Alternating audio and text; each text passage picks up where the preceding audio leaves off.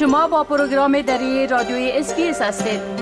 گزارشات عالی را در sbs.com.au دری پیدا کنید.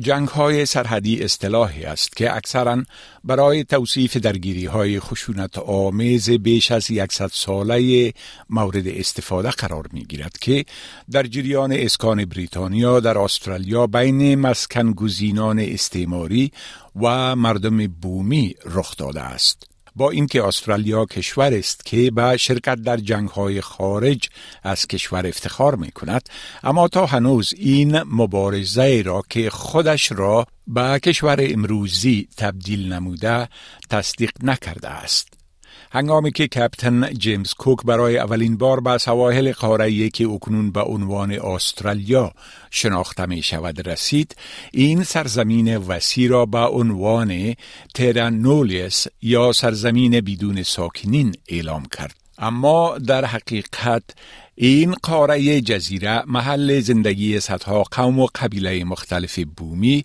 و جزیره نشینان تنگه تورس بود. صدها هزار نفر از مردم بومی که بلا فاصله به حیث رعیت تاج و تخت بریتانیا دانسته شدند. این امر جنگ های سرحدی را تحریک کرد. جنگ های وحشتناک بین مردم بومی و مهاجرین که اساس و بنیاد استرالیا را تعیین کردند. اما این تاریخ حولناک اکنون در حال شناسایی است. راشل پرکینز فیلمساز یک زن از قومی بومی آرر نتو کالکادون همراه با میراسی اروپایی است او به تازگی یک مجموعه مستند را نشر کرده که جزئیات ماهیت مبارزه مردم بومی برای دفاع از سرزمین هایشان در برابر مهاجرین بریتانوی را تشریح می کند. Let's begin with the title, The Australian. People might not have heard that before, and it's a title that we chose very deliberately because these were the wars that happened between initially the British Empire when it claimed the continent and then occupied it, but then was finished by the contemporary Australian colonial governments, which founded the Australian Federated Commonwealth Government. جنگ های استرالیا در سراسر این قاره از زمان ورود اولین دسته از کشتی ها در سال 1788 و تا اواسط دهه 1930 جریان داشتند.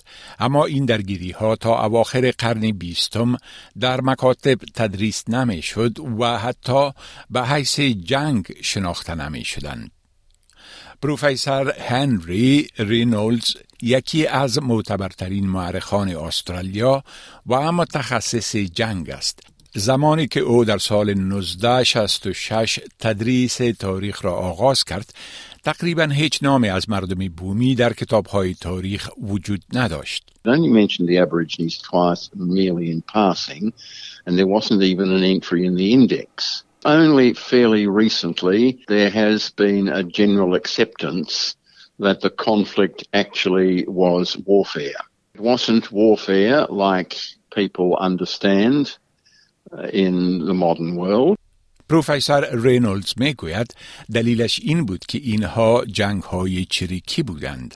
معرخ دکتر نیکلاس کلمنتس یکی از کارشناسان جنگ های سرحدی استرالیا با این گفته موافق است. They knew it as a war then. All the colonial documents refer to it as warfare. But in the 20th and 21st century, we have lost sight of that. And I think there are also some underlying political reasons why many people can't identify it as a war. و همان طور که راشل پرکنز توضیح می دهد این دلایل سیاسی از مفکوره تیرا نولیس و قانون بریتانیا منشأ می گیرد. There's a contradiction at the heart of these wars that began with the way the British described their occupation. They announced that the Aboriginal people had become British citizens. And so they could never officially declare war because to do so would mean that they were declaring war on their own citizens. However, the British used military force to ensure that their occupation of the continent was successful. این جنگ ها تنها پس از آن مورد تایید قرار گرفتند که اعلامیه تهران نولیس از نظر قانونی با مخالفت روبرو شد و در اوایل دهه 1990 در تصمیمی که به عنوان تصمیم سرنوشت ساز مابو شناخته می شود لغو گردید. پروفسور رینولدز در این مورد چنین توضیح می دهد. Up until this time, the view had been that the Aborigines did not own the land. So therefore, the fighting couldn't be about the control of land because they didn't have any legal title to land. Uh, after 1992 and that judgment, the nature of the war had to change because clearly it was about the sort of issues which war has always been about control over territory. دکتر کلمنت می گوید ناکامی امپراتوری بریتانیا در برسمیت شناختن مالکیت زمین بومیان در استرالیا یک ناهنجاری تاریخی است. At the very heart of the British colonisation of Australia was a flawed premise.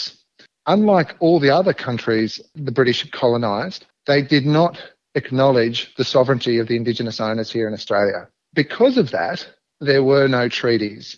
There was no attempt to negotiate with the local peoples. And to this day, we struggle from a legal standpoint to understand what their rights are for the land.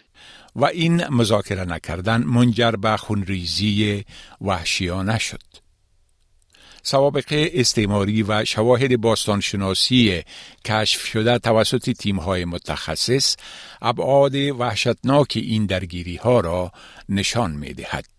موزیم ملی استرالیا به تنهایی بیش از 400 جسد اجدادی بومی را در مخزن خود نگهداری می کند که بسیاری آنها شواهد از مرگ با اعدام، بریدن سر و قتل عام را نشان می دهند. ریچل پرکنز می‌گوید که اخلاف کسانی که جان سالم به در برده اند همیشه این را به یاد خواهند داشت. جنگ سیاه تزمینیه که بین سالهای 1824 و 1831 ادامه داشت شدیدترین درگیری سرحدی در تاریخ استرالیا بود. دکتر کلمنت در مورد آن چنین توضیح می دهد. The Black War, as it's become known, was the most constricted geographically and, and temporally in anywhere in Australia.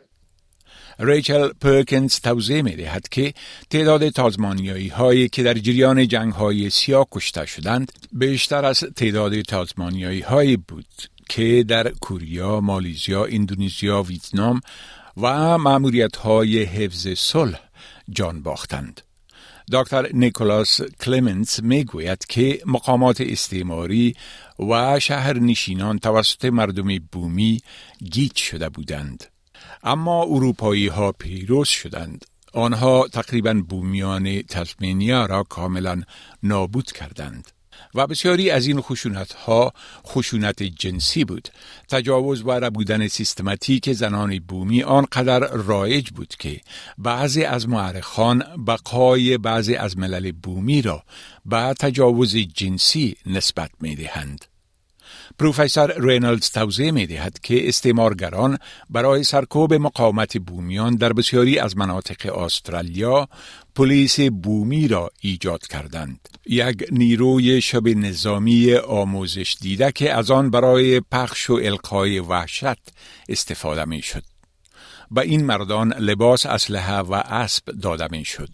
دکتر کلمنت معتقد است که افسران سفید پوست از آنها برای معلومات سنتی بومیان و مهارت های جنگل استفاده می کردند و همچنان آنها را مورد بهرهکشی قرار می دادند. همه این تاریخ چیز است که ریچل پرکنز در طول ساختن مجموعه مستند جنگ استرالیا با آن مقابل شد.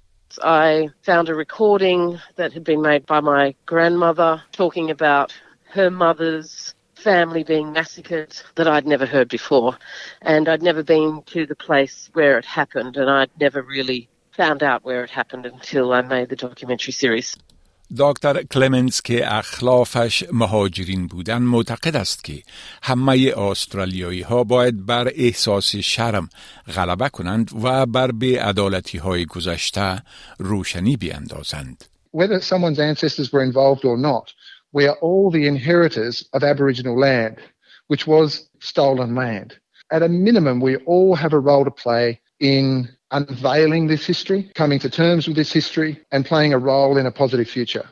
فیلم مستند دی استرالیان وارز چهارشنبه 21 سپتامبر ساعت هفت نیم شام از شبکه اس بی اس و اینای تیوی پخش می شود.